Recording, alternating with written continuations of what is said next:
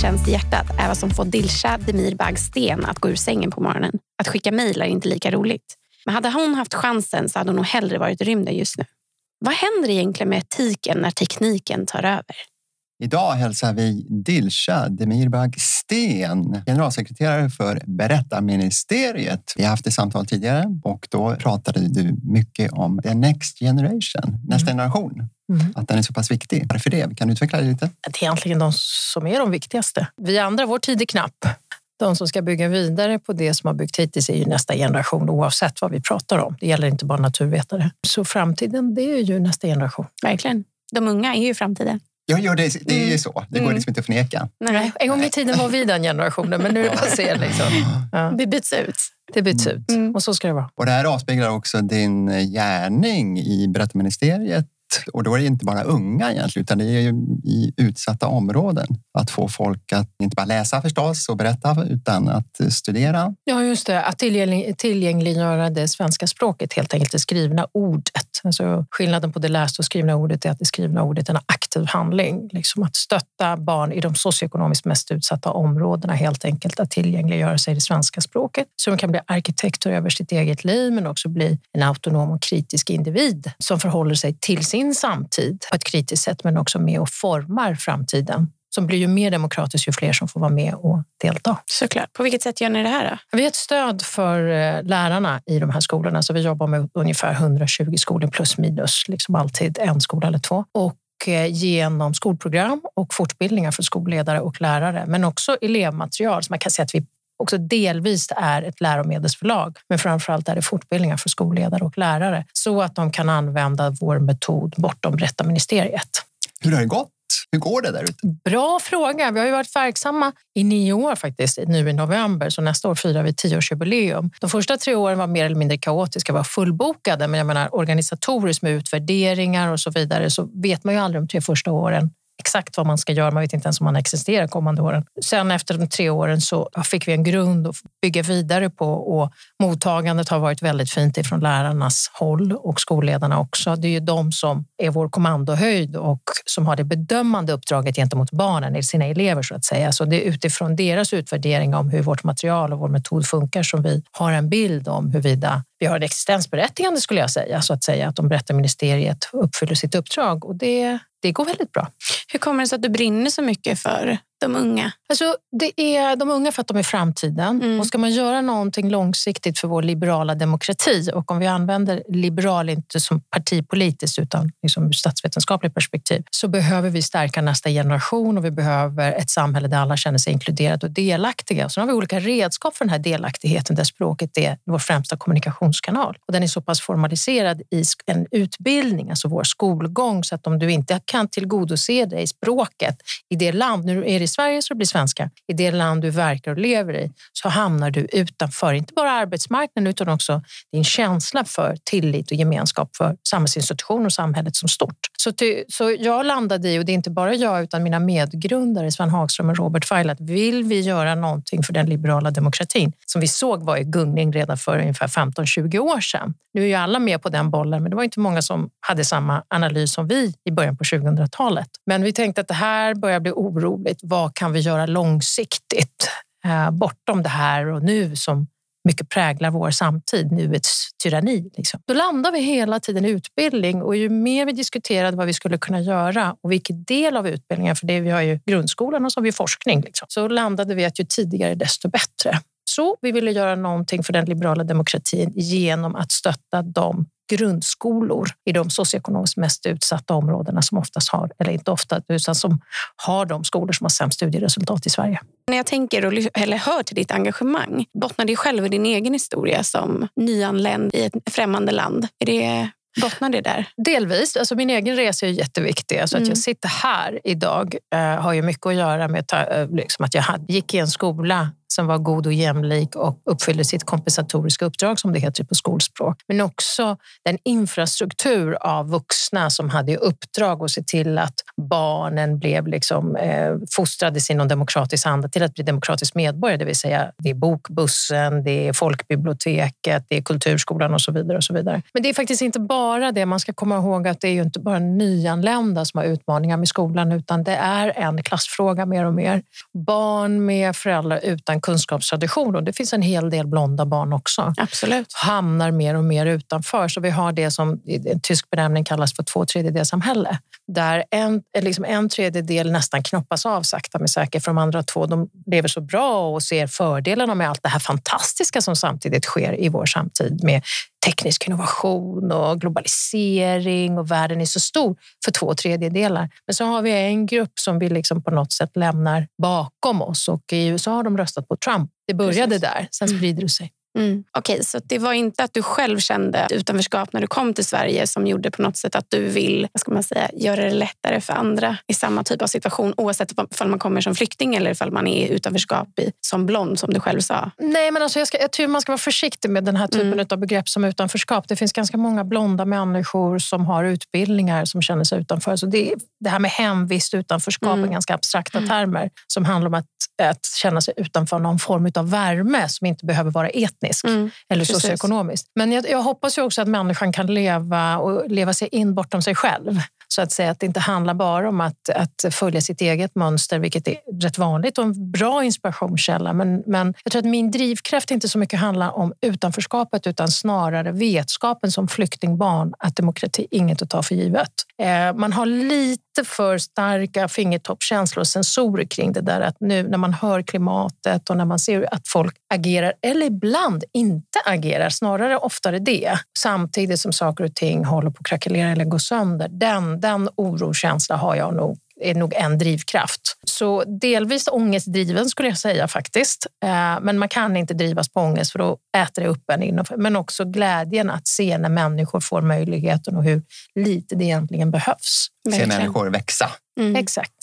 Spännande i det här sammanhanget är ju att du har fått med dig investerare, att de tycker att det här är viktigt. Hur, kommer, hur, hur lyckades du med det? Jag tror att det är Eh. många som har försökt. Ja, ja, det är många som har försökt och några blir framgångsrika och några blir exceptionellt framgångsrika. Jag hade ju förmånen att ha både Sven Hagström och Robert Weil i min vänskapskrets Eh, och jag har jobbat med dem tidigare innan Berättarministeriet, innan vi grundade Berättarministeriet tillsammans. Så att jag skulle inte säga att jag fick med mig finansiärer utan två av grundarna är finansiärer så att säga. Och det är skillnad. Så de har inte börjat med att pynta in pengar till Berättarministeriet utan det var ett initiativ som vi tog tillsammans. Och sen i och med att jag är operativt ansvarig från, liksom, så var det inte svårare än så att jag frågade jag behöver de här pengarna. Och då ska vi komma ihåg att både Sven och Robert och jag delar inställningen att det kan inte finansieras av två, tre personer utan det måste spridas. Det är inte bara för, en, eh, liksom för att säkra finansiering utan också att det här är så pass viktigt uppdrag så fler behöver vara med och visa att man tar ansvar. Så för oss var det viktigt att det här ska inte ägas av två, tre personer och uppfattas som vårt projekt ungefär. För det är större än oss själva. Den här utmaningen är större än oss själva, men det är också viktigt att flera ges möjlighet att vara med och ta ansvar för det här på, genom Berättarministeriet. Och det här med språket, det handlar ju inte bara om språket i sig. Det är ju grunden för eh, egentligen hela livet. Mm. Och kanske inte minst om ni ska halka över på eh, naturvetenskapen. Har man inte språket så kan man knappast tillägna sig vetenskapen heller. Så det hänger ihop och kanske även matematiken finns med där också. Är ni bredare liksom än själva språket? Alltså jag ser ju alla ämnen, språket som grund.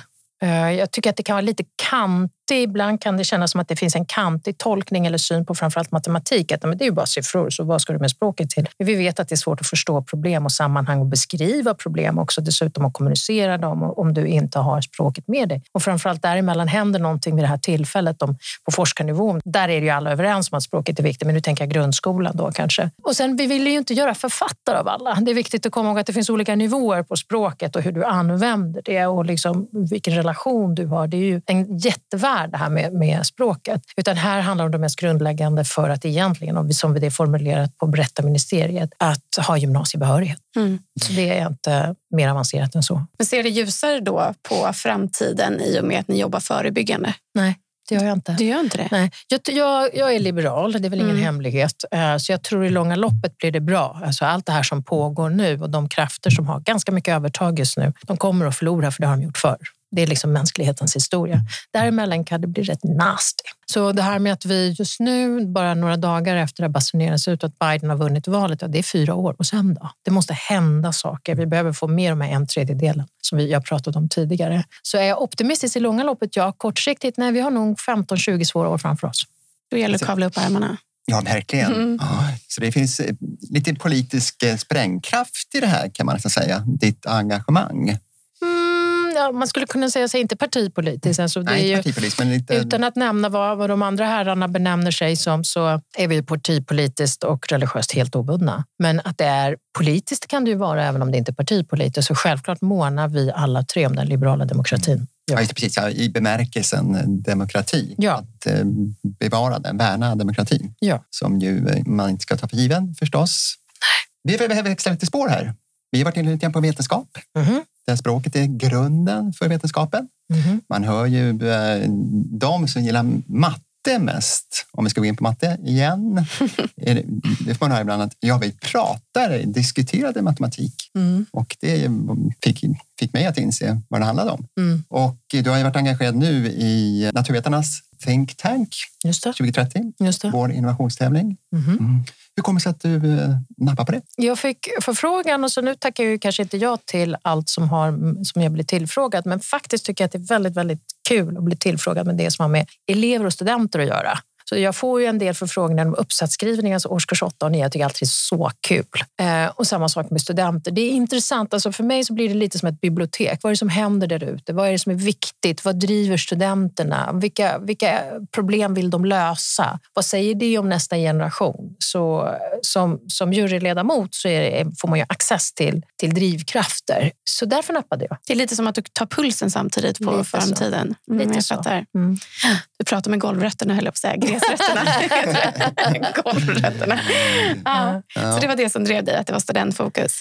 Jag tycker om problemlösning också. Mm. Alltså det finns ju ganska mycket problem att lösa just nu Mm. och det gläder mig att, eh, att många tar, antar utmaningen och inte förvaltar och fortsätter som vi alltid har gjort, för det kan vi inte göra. Vi pratar klimatet, finns det ingen chans att vi kan göra så. Men apropå demokrati så behöver vi lösa gemensamma problem som är både sociala, ibland tekniska, ibland... Ja, så. Och det var flera intressanta förslag där måste man ju säga. Verkligen. Ja, och det var ju samhällsproblem, viktiga sådana, med fokus då på hållbarhet. Mm, jag skulle nog säga att det var stor tonvikt på det. Så jag är mycket imponerad. Att man samlar kraft för att eh, hitta lösningar på så här, grundläggande problem. Rent vatten, luft och så vidare. Som många tar för givna. Verkligen. Ja, och sen det här matsvinnet som alla pratar om, men Mhm. det är få som gör någonting åt det. Och här Mhm. fick vi faktiskt ett eh, konkret förslag Mhm. som egentligen, man kan tycka det borde vara självklart. Alltså, det handlade om att den här personen som vann tävlingen, hans förslag var att eh, datummärkningen, att det skulle bli tydligare Mm. och att eh, priset skulle, priset skulle... Dynamisk prissättning helt enkelt. Just det. Mm. Mm. Och det där är också så här, visst är det spännande när någon uppfinner det där självklart så är det som att, ja men ja just det, varför har jag ingen tänkt på det tidigare? Ja. Hur kommer Varför har inte jag tänkt på det tidigare? Ja, det, man kan dela med sig generöst men det är ändå så här, varför har vi inte kommit på det tidigare? Mm. Tror du att butikerna kommer nappa på det här? Ja, är jag övertygad om. Klappar ditt eh, hjärta ett extra slag för klimatet? Absolut. Eh, Strunt i demokratin. Vad ska vi med demokratin till om jorden går under? Ja. Ungefär lite grann. Så, ja, det gör jag. Då tycker jag att vi kör tre snabba eller tre antingen eller. Vad tänker du på när jag säger musik? Känslornas språk. Engagemang? Mening som är större än en själv. Unga? Framtiden. Då kör vi tre antingen eller. Ja. Vem vill du fika med helst? Stefan Löfven eller rymdfararen Jessica Meyer? Jessica Meyer. Och varför just hon? Eh, Varför just hon? Nej, men det är nog inte varför just hon, utan Stefan Löfven hade varit väldigt trevlig att fika med också, som för övrigt är volontär på Berättarministeriet tillsammans med sin fru Ulla, som är fantastisk. Men däremot, kom igen, rymden. Ja, jag Det- fattar. Det är rymd Ja. som fascinerar. Jag Ja, köper oh, det. ja. Ja. Oh ja. Får jag följa med? Kan Ja, du fråga? verkligen. Jag, jag var så dum så jag sa det högt inför mina barn att jag skulle ge vad som helst för att komma upp i rymden. Och då sa de så här, men vadå vad som helst? Typ högra handen, foten. Jaha, skrattade men du vet att man riskerar dö? Ja. Och sen insåg jag att det var inte så smart att säga det som förälder. Fattar. Ja. Mm. Det sände helt fel signal. Så jag var tvungen att hämta igen det där. Om jag inte hade haft barn. Det är klart att ni. Jag tänker på er. Ja, men okej, vi går vidare. Ja. Ja. Prasslande höstlöv eller vårblommor? Höstlöv. Trump eller Biden? Biden. Det var ju liksom ingen tvekan. tvekan. Ja, men det Nej, känns det var liksom nästan självklart. självklart. Det är svårt Just att hitta. Jag hörde hans eh, första tal där. Ja. Han sa ju precis det man liksom vill att en amerikansk president ska säga. Ja, det var sån skillnad och det var ju medvetet. Strategerna sitter så här, okej, nu är statsman, nu tar vi tillbaka det Jo, men här. ändå, det var liksom ljuv musik där man ska lyssna på vetenskapen och man ska jobba internationellt. Och, ja, Ja, mycket som... Eh, Tror ni, har ni hopp? Ja, det är ju svårt det där, för underhuset har de ju fått. Senaten vet vi inte riktigt än, va? Eh, men de fick ju inte den här förödande majoriteten de hade hoppats på. Så det handlar ju om att han får saker gjorda. Obama fick inte så mycket gjort, det vet vi. Även om vi alla är jättekära honom, tycker han är fantastiskt kul och charmig och stilig och hela paket, så fick han faktiskt inte så mycket gjort. Och man måste komma ihåg att han kommer gå till historien till den som lämnade efter sig till Trump. Så historien kommer nog vara ganska hård mot honom. Oj. Så, så Biden behöver få en hel del gjort och få med sig amerikanska folket på att det kan bli tuffa tider, men vi fixar det. Den behöver han få med dem på. Och det gäller nog inte bara honom, det gäller hela den fria världen. Den typen av politiker krävs av vår samtid just nu. Ja, det är ju ingen lätt uppdrag han har fått. Det är mycket, alltså han måste jobba hårt. Mm, kan man lugnt säga. Mm, det är nog mycket att laga. Ja. Folk får ju tycka vad de vill, men ibland blir man mörkrädd vad man, man ser eh, människor, framförallt med okällkritiska ögon, delar och säger på sociala medier. Mm. Vilket de inte förstår också sprider sig vidare. Det blir en dominoeffekt. Det sprider sig vidare till fler som inte har källkritiska ögon och sen så blir det som att fler tror och också till den yngre generationen. Fast jag tror handen på hjärtat och märker, eh, de är ju klokare än oss. Mm. Alltså min systerdotter som är 12, hon pratar om kulmen när det kommer till klimatet, när det kommer till liksom, värderingar, framförallt som ung tjej. Alltså hade jag vetat det jag visste i hennes ålder så hade det nog... Ja, jag tänker, jag tänker att det är en av de stora utmaningarna för vår samtid, att vår generation står i vägen lite grann. Att vår generation, om vi pratar om eh, vad är de stora hoten, så ser jag inte nödvändigtvis att det är att folk gör fel saker, utan det är märker att en stor grupp av vår generation fortsätter som om ingenting har hänt. Så det är läpparnas bekännelse. Man, man Mm. vet att det är viktigt med klimatet, det är demokrati när det är kris. Och så fortsätter man ändå som vanligt. Och eh, inte bara bidrar man inte till lösning, man står också i vägen för lösning. Den, Mm. den ser jag, tycker jag, rätt ofta. Men det är inte så att du är missmodig här eller kan du känna hopp? Jag känner hopp. Jag, än en gång, jag tror långsiktigt. Jag bara hoppas på att eh, kanske att jag får uppleva det. Och jag hoppas innerligt för mina barn att de upplever det och det tror jag. Jag tror klimatet är en sak då. Där eh, lutar jag mig hårt mot naturvetenskapen. Men jag tänker också, nej, nej, jag tror att det kommer, än en gång, alltså, om vi inte har nuet perspektivet utan tittar på de stora penseldragen och då är liksom det här århundradet och 1900-talet ingenting i de stora perspektiven, så går ju liksom historien i cykler om, om, om människan. Och där är det kortsiktigt har vi tuffa tider framför oss. Det handlar inte om att Biden vinner valet, det är längre än så. Men jag tror ändå att det är en tuff armé.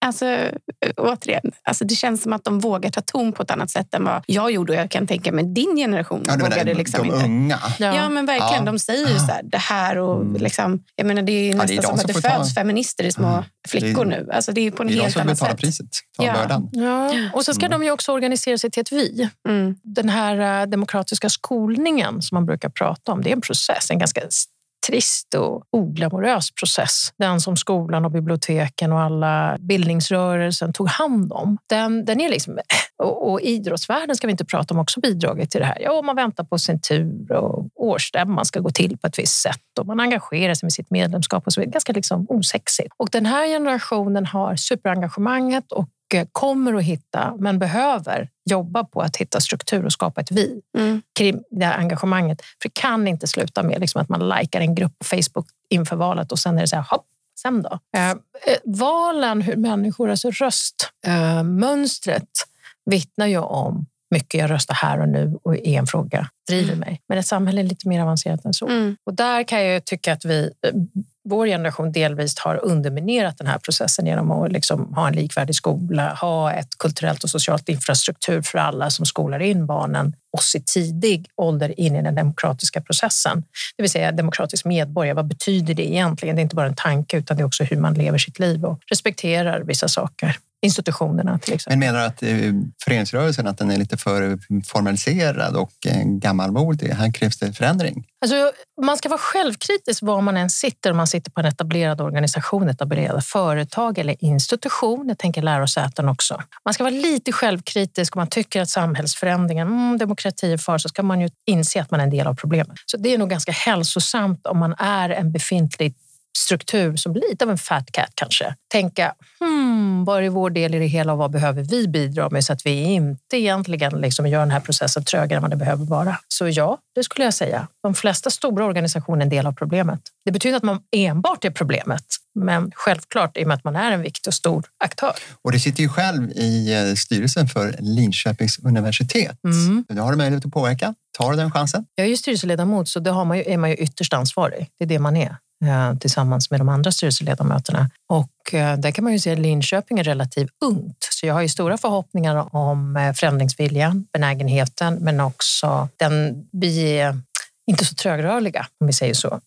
Så vi har ju alla förutsättningar att ta lid i vissa frågor. Allt ifrån liksom, hur vi möter studenter, som självklart för oss är det viktigaste.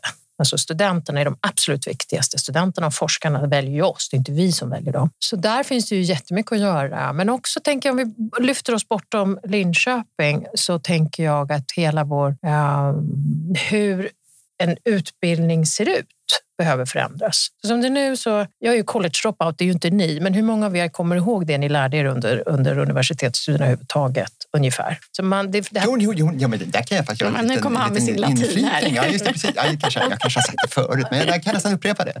För det var nämligen så, under, jag är utbildad agronom och eh, under fem vårveckor så lärde vi oss 500 stycken växter på latin. Och än idag, jag ska inte säga att alla sitter kvar, men många sitter.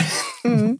Nej, det var lite retorisk fråga. Jag tänker med vad jag försöker säga det att i Sverige är vi ganska duktiga på livslångt lärande som arbetsgivaren tar ansvar. Vi tycker det är kul att gå kurser och det är liksom en del av vår professionella identitet. Men jag menar, jag tänker att utbildning, en, en akademisk utbildning behöver inte se ut så att man går tre, fyra år eller vad man gör och sen vinkar man av och hej då, eventuellt har man en master, utan det kan ju faktiskt vara mycket längre. Det kan pågå under ett helt liv. Kanske så att man jobbar ett år, pluggar ett år, jobbar så två år. Så man ska kunna ta uppehåll? Jag vet inte om det är uppehåll, utan att systemet att man mer har ett abonnemang på universitetet eller lärosätena mm. och man kan kombinera det och liksom skräddarsy vad det är man gör på ett helt annat sätt än att det är, så här, det är ju ganska konstigt att man går så här koncentrerat nio år, den förstår jag, och sen kommer gymnasiet och sen kommer fyra, tre till fem, sex år om man går läkarlinjen. Då. Så, och sen så slutar man. Det är mm. jättekonstigt. Mm. Det är egentligen liksom, och sen säger, kommer de här stackars studenterna ut och har inga arbetslivserfarenheter och har ingen professionell identitet. Jag tror mycket mer på varva och göra det till ett livslångt Lite som yrkeshögskolan gör. Absolut. Att de eh, pluggar och sen är de, de är nästan mest ute på praktik. Och det kan jag förstå. Det handlar inte bara om praktik. Jag tänker att bortom de där, att förlänga det från 6 till 8 mm. år tror inte jag är någon hjälp. Jag tänker på hela mm. livet. Mm. Mm. Den idén tror jag på. Jag vet att man tänker liknande internationellt men också på KTH har man jobbat laborerat mycket med den idén. Och den tror jag mer på. Att man har en annan syn. För att jag menar, ni vet, eh, ett, ett lärosäte eller, eller en utbildningsinstitution, det kan vara grundskolan också, är ju bara systematiserad, formaliserad liksom, eh, kunskapsprocess. Man måste ju inte gå på universitetet för att lära sig vissa saker till exempel. Men vi gör det i en organiserad form och liksom strukturerad utvärderad form för, för att få fram liksom den bästa utbildningen för individen. Men det måste inte se ut som det gör nu. Det är bara en idé som jag har, mm. att det ska se ut så. Ja, men intressanta tankar tycker jag. Och, mm. eh, man ska inte se problem i det här. Man ska bara se möjligheter förstås. Men ändå, liksom, möjligen kan det vara så att en bromskloss i detta försörjningen. Man har jobbat i tio år, man har skaffat barn och villa och alltihop det här. Sen ska man sätta sig på skolbänken under ett år och det tror jag är stimulerande för jättemånga mm. och säkert bra. Mm. Men jag kan mycket väl tänka mig att... Eh, det händer mycket ekonomiskt. Ja, ja det gör det. Ja. Gör det. Att gå från ingångslön till att käka nudlar igen. Det är det som håller kvar mig. Alltså, om vi... Ser du Ja, men jag tänker nog att om man ska ha ett sånt system så är det mycket annat som behöver förändras. Det är kanske så att man får en lön som direkt avsätter en viss summa till det här året. Alltså, det finns ju lösningar på det här. Om man ser vad problemen kan dyka upp så är det inte svårare så att man löser det. Kompetensutvecklingsfonder har man ju pratat om. Jag vet inte. Det, jag, jag tror inte att det är något problem. Nej. Det är snarare hur vi ser på saker och ting och vår förmåga att tänka utanför boxen. Ja, som är praktiskt går det att lösa. Ja, absolut. Mm vi ska inte fastna i, den typen av problem. Jag, här... jag tänkte ska vi lösa det här nu i podden? Hur ska vi göra? ja, Vad ska vi... På frågan om jag tar, tar uppdraget. Jag tar mig bara an uppdrag, den typen av uppdrag som jag tror jag kan tillföra något. Jag kan sällan tillföra något när det gäller att förvalta. Det är inte min grej. Jag tycker inte det är kul. Det är inte där jag kommer till min rätt heller. Jag tror inte jag tillför något där. Så vill man förändra, stökiga saker klarar jag mig igenom. Så att ska man förändra eller bygga nytt, då tycker jag det är kul. Får du gehör för de här tankarna på universitetet? Jag tycker absolut att man är öppen, men det är ju inte bara min vilja. Alltså det, är också, det är ju ett samarbete. Så det handlar ju liksom inte om att få igenom min vilja bara per se, liksom att det ska vara något bra, utan det är ju väldigt kompetenta personer, resten i styrelsen, som också har massa tankar och funderingar som behöver nötas ihop med mina förstås. Men om jag känner att jag inte kommer till tal alls, då finns ju, har jag ju ingen roll där heller. Det finns väl annan som kan göra det mycket bättre. Men det är ju, än så länge är bara kul och stimulerande. Men det känns ju som att hela du är en eh, påverkansmaskin. Alltså där du, där du är vill du göra skillnad. Det, det slösar med min tid och andras tid annars. Ja, men, jag tycker, men alla tänker inte så. så jag tycker ja. det är beundrande. Men ja. jag, du är helt chockad nu ser jag. Men, nej, men alla tänker inte så. Vissa sitter ju på en plats bara på grund av status eller pengar. Mm. Eller vissa vill liksom, ja, men är, är fast i någon form av ekorrhjul och maskineri. Medan vissa har det där liksom, drivet i sig som känner att så här, jag måste varje dag känna att jag gör skillnad. Annars är det inget kul och då går jag därifrån. Liksom. Ja. Men jag frågar mig ju alltid syfte. Jag är syftesorienterad. Varför ska jag göra det här? Alltså om man tittar på mitt jobb, vad är det jag gör? Ja, vi, om vi pratar om mig då, så är jag generalsekreterare för en verksamhet som gör vissa saker. Men vad är det jag gör dagligen? I min värld så ser jag till att fler barn lämnar grundskolan med gymnasiebehörighet. I praktiken sitter jag framför datorn och träffar människor. Det är liksom mesta delen av min tid sitter jag och skickar iväg e-mail och sitter och skriver saker eller träffar människor. Jag skulle inte ens ta mig ur sängen om inte jag, för så kul är det inte att trycka på sändknappen. Om inte jag kände att men det här har ett syfte. Det här är liksom exekveringen av de här tankarna och idéerna om jag räknar baklänges. Men jag börjar alltid med syfte. Jag ser ingen anledning till att göra någonting överhuvudtaget om inte jag håller med syftet.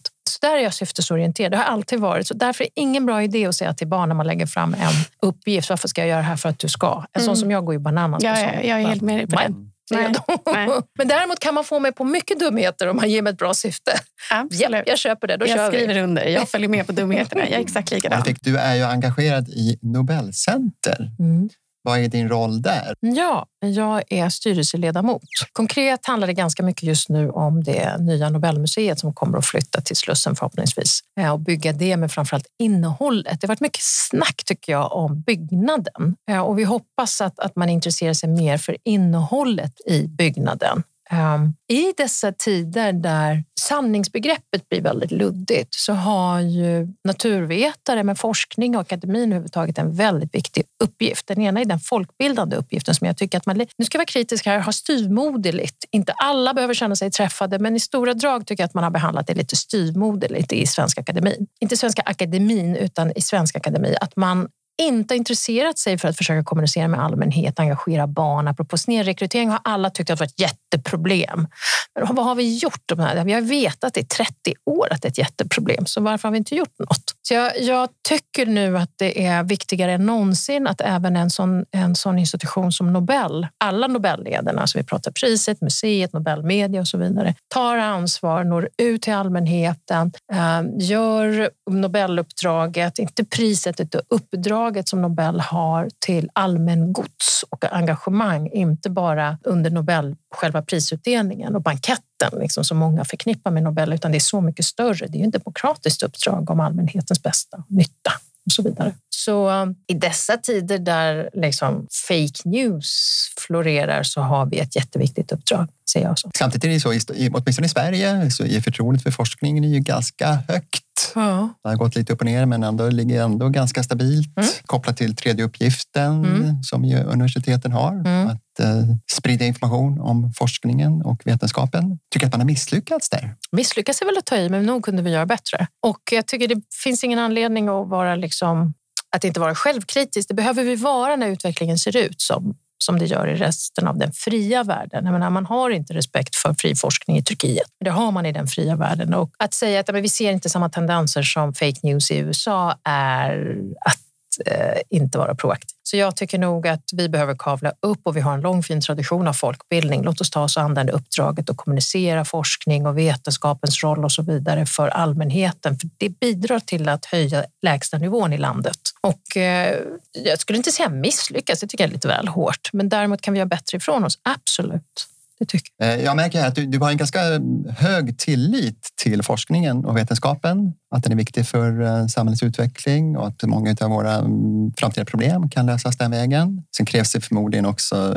livsstilsförändringar. Hur ser du på det? Ja, men det måste vi alla bidra med. Alltså, vi får ny kunskap från, från forskning, eh, men det är vetenskapen. Men det betyder ju inte att vi, alltså vi alla medskapare av framtiden. Men jag vill också understryka att eh, jag ser, som jag nämnde tidigare, jag är jättefascinerad av rymden och allt, hela den liksom konnotationen med raketer och allt vad som har med det att göra, det vill säga teknik. Eh, och jag tycker det är så häftigt inom biotech, det som händer och så vidare. Men jag ser också inom eh, artificiell intelligens, det är fantastiskt vad vi kan göra och nu redan, men också om tio år jag kan inte ens föreställa mig hur samhället kommer se ut infrastrukturellt och så vidare. Jag ser också ett orosmoln om att den etiska miljön, vi med den nya tekniken, med de nya innovationerna, med det här paradigmskiftet vi står inför så kommer vi behöva en ny etisk miljö och det samtalet tycker inte jag riktigt man har tagit lid på. Det etiska samtalet, det pratade man med, eller efterlyste man ju mm. redan mm. när jag pluggade. Och det, är, är några år sedan. Och eh, det verkar lite grann som att det inte har hänt så jättemycket där.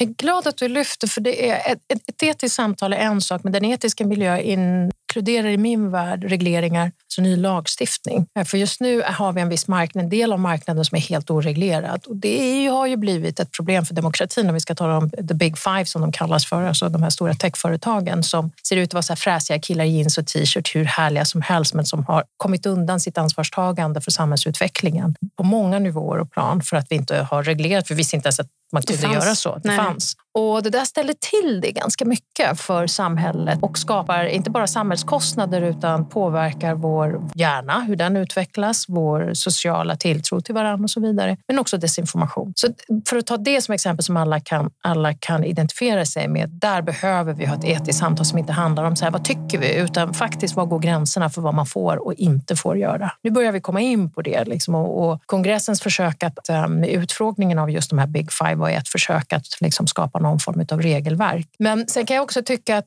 eh, Sverige lite mer än om vi ska, vi har pratat om USA en del, är, är det lättare att bli en fackidiot. Alltså vi har en tendens att man kan ju läsa litteraturvetenskap utan att veta hur liksom, statsskicket, fun förvaltning funkar eller hur ekonomi hänger ihop lite grann. Man kan liksom komma undan med att säga att man vet vem Nobelpristagaren i litteratur är, men de andra har man ingen aning och det är ingen som kommer hålla det emot dig. Det är inte så sympatiskt. Va? Uh, och, men det är samma sak åt andra hållet, att man liksom pratar om de härliga mjuka värdena. Kan vi ha lite etiska samtal? Så fint som att det vore dekoration i rummet. Men sen låt oss prata om de hårda, riktiga sakerna här nu. Och den där är liksom, den är inte speciellt fruktsam och den är inte speciellt konstruktiv och vi går in i en tid, det här paradigmskiftet som jag pratade om, där man pratar om att just specifikt så mänskliga dragen som inte artificiellt kan göra är ju de mjuka dragen så mm. behöver vi gifta ihop de här olika fälten med varandra för att bygga ju, ett hållbart samhälle. Ja, och det är ju himla viktigt det du pratar om techföretagen, att det är väldigt mycket, det kan ju finnas, eller jag tycker väl rakt ut att det kan finnas eh, en yta av att man, så här, man pratar, man har seminarium om artificiell intelligens och etik, fast man, det måste ju verkligen knytas ihop ännu mer, just för att när man skapar de här AI robotarna eller vad man ska säga, då är etik en väldigt stor del i det också. Mm. Alltså just de här självkörande bilarna. Alltså om de ska stå emot köra över en familj eller en gubbe, vem väljer vi? För att du i mm. bilen ska alltid klara dig. Alltså det är ju så mycket mer. Att man tänker ju bara teknologi som att det är någonting man inte kan ta i samtidigt som det blir ju, det kommer bli en del av vår värld och, och där måste ju etiken liksom hänga med också.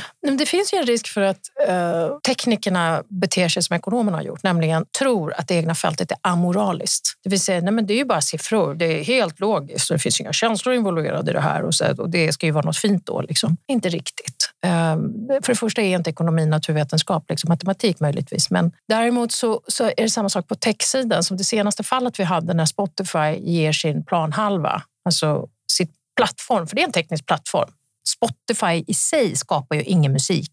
Kreatör, det som är kreativt kommer utifrån. Så det är egentligen en, man säger att det är musikföretag, men det är det ju inte. Det är en teknisk plattform. Mm. Och den här tekniska plattformen, visserligen, det är materia, men om man vill tillgängliggöra den, som den stora skandalen har varit nu för Spotify, tillgängliggöra den för liksom främlingsfientliga krafter, för liksom vitmaktrörelser, så är det inte ett amoraliskt. Alltså tekniken har inte bett om det, varken det ena eller det andra, utan det är ett beslut som fattas av människor som behöver göra de här redaktionella överväganden. Ska vi tillåta vad som helst? För det första kommer lagstiftningen att kicka in i vissa fält, liksom, oavsett vad Spotify tycker i frågan. Och den andra är, vad är vi för en aktör? Och jag förstår att man utifrån marknadsvärlden säger att men vi, vi kommer inte tala om för folk vad de ska tycka. Nej, det är sant, men nu är det så att samhället kommer kräva av er, precis som man kräver av en ansvarig utgivare på en tidning, precis. att man tar yttersta ansvaret för innehållet. Och där märker man att de inte är vana för de här samtalen. Att det är lite grann, får man en känsla av att man har satt manualen av att tillverka en bomb i händerna på en 16-åring utan att ha den här diskussionen om att bara för att du kan så bör du inte. Nej. Det är två mm. olika saker. Mm.